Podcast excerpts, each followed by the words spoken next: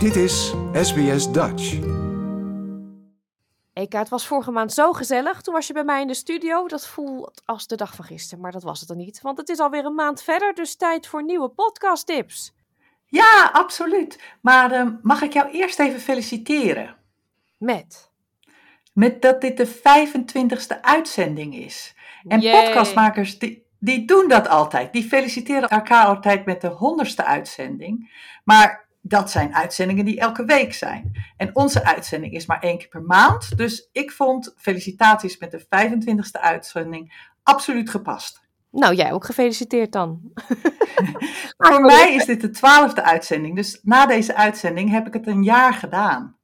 Leuk, het gaat zo snel als je plezier hebt, hè? Het gaat ontzettend snel. En ik kan me eigenlijk bijna nog elke podcast die ik uh, heb aanbevolen, die kan ik nog uh, herinneren. Ja, het zijn natuurlijk ook hele leuke en hele goeie. Die zoek je niet voor niks uit. Nee, zeker niet. En uh, wat doe je dan als je een feestje viert en je bent als kind? Dan zeg je soms, neem je zwemspullen mee en je wordt thuisgebracht. Weet je dat nog wel? Op de uitnodiging, nou, dat ja. sluit wel aan bij de zwembadclub. Ja, de Zwembadclub. De Zwembadclub is een podcast van Annegriet Wietsma, gemaakt voor de NTR NPO Radio 1. Het is een verhaal over zaken die het daglicht niet kunnen verdragen, over ontregelde herinneringen en de trucs van het geheugen. In zeven afleveringen onderzoekt Annegriet de waarheid achter het verborgen verleden van George. George groeide op in het naoorlogse Amsterdam, in een arm gezin. Hij zwerft veel op straat rond en om wat bij te verdienen scharrelt hij met geïnteresseerde mannelijke voorbijgangers. Hij wordt ook benaderd door een aardige fotograaf die de knaap in ruil voor geld naakt laat poseren en hem tevens meeneemt naar een openbaar zwembad waar arbeiderskinderen af en toe een avond gratis mogen zwemmen, ook naakt. Toen kwam de zwembadclub. Hoe introduceerde hij dat idee bij jou? Via de, uh, dat er een zwembadclub was. En dat hij daar de leiding van had. En dat hij, uh, dat hij mij daarvoor uitnodigde. Dat ik mee kon doen. Dat je je blootje moest hebben. Je bent wel gewend om foto's te maken in je blootje. Dus, en dat er volwassen mensen zijn die dat uh, op prijs stellen. En dat je daarvoor ook een beloning krijgt. Wat een verschrikkelijke beleving als je daar nu met de, de geest van nu naar terugkijkt, hè? Ja, en ik vind vooral wat ik zo bijzonder vind aan deze podcast, is dat George, die spreekt erover alsof hij ging voetballen.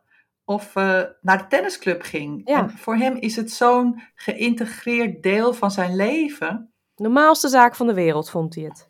Ja, absoluut.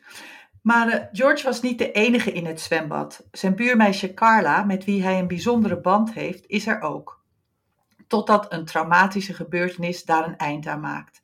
In de herinnering van George is er ook een dame aan de rand van het zwembad die hem speciaal opvalt, mevrouw Poulie. Maar ons geheugen kan ons ook voor de gek houden. Ons brein vult de gaten in die in onze herinnering zijn ontstaan. En daarom gaat Annegriet op bezoek bij deskundigen, archieven en verzamelaars van erotica om het verhaal van George te verifiëren. En dan in de laatste aflevering van de podcast maken zowel Annegriet als George de balans op. Het voelt alsof het verleden hem heeft ingehaald en hij moet leren omgaan met de scherven van zijn levensverhaal. Ja, Annegriet is een bekende podcastmaakster. Hè? De Deventer Mediazaken is ook van haar hand. Het was ook een hele indrukwekkende podcast, vond ik. Wat vond jij uh, van deze? Ja, ik vond het een bijzondere podcast over een waanzinnig verhaal. Het is prachtige onderzoeksjournalistiek. Het maakt gebruik van gesproken getuigenissen, maar ook is er een enorme zoektocht naar data en archiefstukken om te verifiëren of het allemaal wel klopt. De vormgeving is geweldig. Op een gegeven moment hoor je verschillende mensen door elkaar heen praten over dezelfde herinnering. Het is prachtig gedaan. Het is spannend, aangrijpend, heftig en chockerend. En ik vond het ook enorm boeiend om te horen hoe het er in de naoorlogse jaren in bepaalde kringen aan toe ging. Nou, zullen er luisteraars zijn die denken: oeh, wat een heftig verhaal. Hè? Die kinderen naakt en de mensen die daarvan genieten. Een naar onderwerp. Um, is dit toch een podcast waar je wel met een gerust hart naar kunt luisteren? Ja, ik vind van wel. Ehm, het is best wel, wat er gebeurde was best wel heftig, maar het wordt toch op een manier verteld die vrij onschuldig is. En het, het, ik vind dat het ook heel erg een tijdsbeeld geeft van wat er in die naoorlogse jaren gebeurde, waar eigenlijk heel weinig over gepraat wordt. Want je praat over de oorlog en dan wordt er gepraat over de wederopbouw, maar dat daartussenin ook nog een heel erg schemergebied zat, vind ik eigenlijk heel interessant en vind ik eigenlijk best belangrijk om daar ook naar te luisteren. Ja, de zwembadclub dus. Ehm, de tweede, containerbegrip. Ja, is eigenlijk een beetje een abracadabra-titel voor mij. Ja, is weer heel iets anders. Ehm, in een vierdelige podcast, gemaakt door Maite Vermeulen en Maaike Goslinga voor de correspondent, worden de schijnwerpers gezet op de verborgen wereld van het goederenvervoer op zee. 90% van al onze spullen komt uit een container. En toch weten we nagenoeg niets over de reis die de spullen afleggen. Om te snappen hoe onze spullen bij ons komen en wie daarvoor de prijs betaalt, duiken Maite en Maaike in die onzichtbare wereld. In de eerste aflevering maken de dames een boottochtje in de Rotterdamse haven en ontdekken hoe containers de spelregels voor de moderne wereldeconomie bepalen en ontmoeten ze bedrijven die de macht over containers hebben. In de tweede aflevering gaan ze aan boord en spreken ze met bemanningsleden, die meestal uit arme landen komen. Hun werk speelt zich grotendeels af op plekken waar geen inspectie, geen journalisten en geen politici komen, ze zijn bijna onzichtbaar voor iedereen. Filipijnen zitten zes tot negen maanden aan boord. En doen dat ook graag, want hoe meer ze werken, hoe meer ze verdienen. En hoe eerder ze dus uh, op de Filipijnen terug kunnen gaan en daar een business kunnen beginnen, een huis neer kunnen zetten, uh, hun kinderen een goede opleiding kunnen geven, daar doen ze het voor. Menig neefje of nichtje studeert omdat oomlief uh, vaart het vraagt natuurlijk nogal wat, hè, varen. Het is een behoorlijk intensieve job. Je krijgt heel veel verantwoordelijkheid. Want reken maar dat je, dat je een hoop eh, centen eh, onder je kont hebt als je zo'n schip vaart. Het is 24-7. Het gaat door en door en door. Dus dat is voor je lijf is het fnuikend. Verder, ja, je laat je familie thuis achter. Je hele sociale leven. Een voetbalclub word je geen lid van. Dat betekent niet dat zeevarenden zielig zijn, maar het is wel een bepaalde situatie waar zij en hun families, partners in zitten, die het soms heel ingewikkeld maakt en, en moeilijk. Ja, klinkt als een keiharde wereld. Nou, dat denk ik dat het zeker is. En uh, wat ik heel bijzonder vind, is dat we er eigenlijk nauwelijks iets van zien. Het speelt zich af daar ver op zee en uh, we weten er eigenlijk helemaal niets van. Nee, en als we iets over containers en havens horen, dan is het vaak uh, drugsgerelateerd nieuws.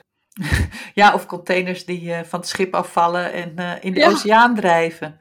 Ja, precies. Ja, in het derde deel wordt de milieu-impact van de containervaart onder de loep genomen. Containerschepen varen op stookolie, wat zo'n beetje het smerigste goedje op aarde is. Het zorgt voor 3% van de wereldwijde CO2-uitstoot meer dan alle vliegtuigen samen. En de verwachting is dat dit in de komende jaren alleen maar meer gaat worden. In de laatste aflevering gaan ze op zoek naar oplossingen, naar een nieuw verhaal over de scheepvaart van de toekomst.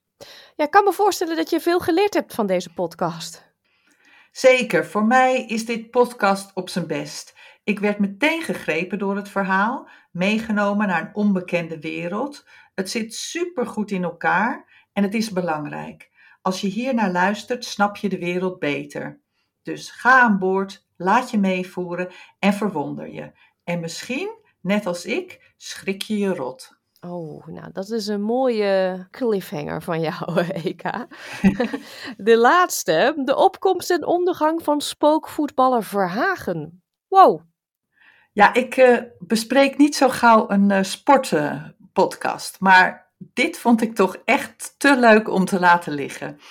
Deze podcast volgt het bijzondere verhaal van Bernio Jordan Enzo Verhagen, een Nederlandse man die de wereld overging als profvoetballer zonder ergens een wedstrijd te spelen. In vijf afleveringen onderzoekt Sam Raalte, de sportverslaggever van Vice, hoe dit allemaal kon gebeuren en wie de slachtoffers ervan waren. In de zomer van 2019 interviewt Sam Verhagen over zijn mislukte avontuur om als Nederlandse amateurvoetballer te gaan spelen voor FC Dynamo Auto, een kleine club in de Moldavische regio Transnistrië. De sfeer van het interview is heel gemoedelijk en Verhagen geeft aan dat cultuurverschillen de grootste oorzaak waren voor zijn vertrek bij FC Dynamo Auto, zonder er ooit een wedstrijd gespeeld te hebben. Ja, en daar heb je een heel grappig fragment voor uitgekozen. Laten we even luisteren.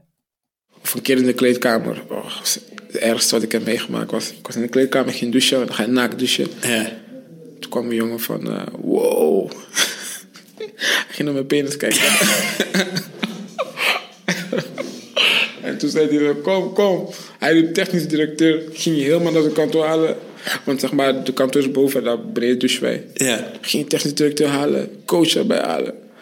Iedereen kwam in de kleedkamer. Kom, kom, kijk, kijk. Ik dacht, wow, deze jongens zijn echt belachelijk. Gingen ze allemaal lachen en zo. Hey. Maar, Hey.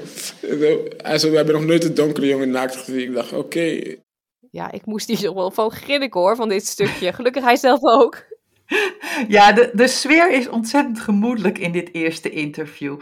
Maar eh, na dit interview duiken er stemmen op dat er iets niet in de haak is met Verhagen.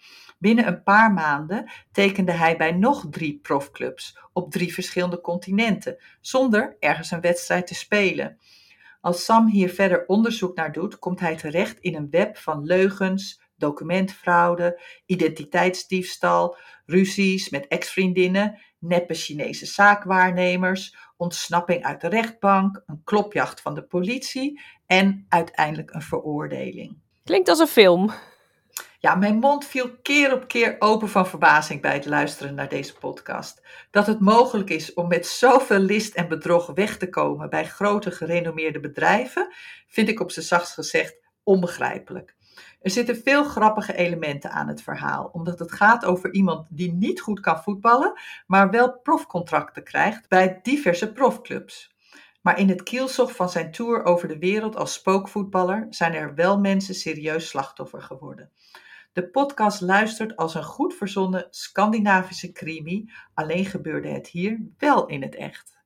Ja, ik heb deze nog niet geluisterd, maar eh, je hebt me getriggerd. Je hebt me nieuwsgierig gemaakt. Ja, het is echt heel grappig om te luisteren. Dat, eh, kijk, er is sport en eh, dat vindt iedereen leuk om naar te kijken, maar achter de sport zitten ook hele grappige verhalen. Ja, een leuke mix aan eh, podcast dit keer, Eka.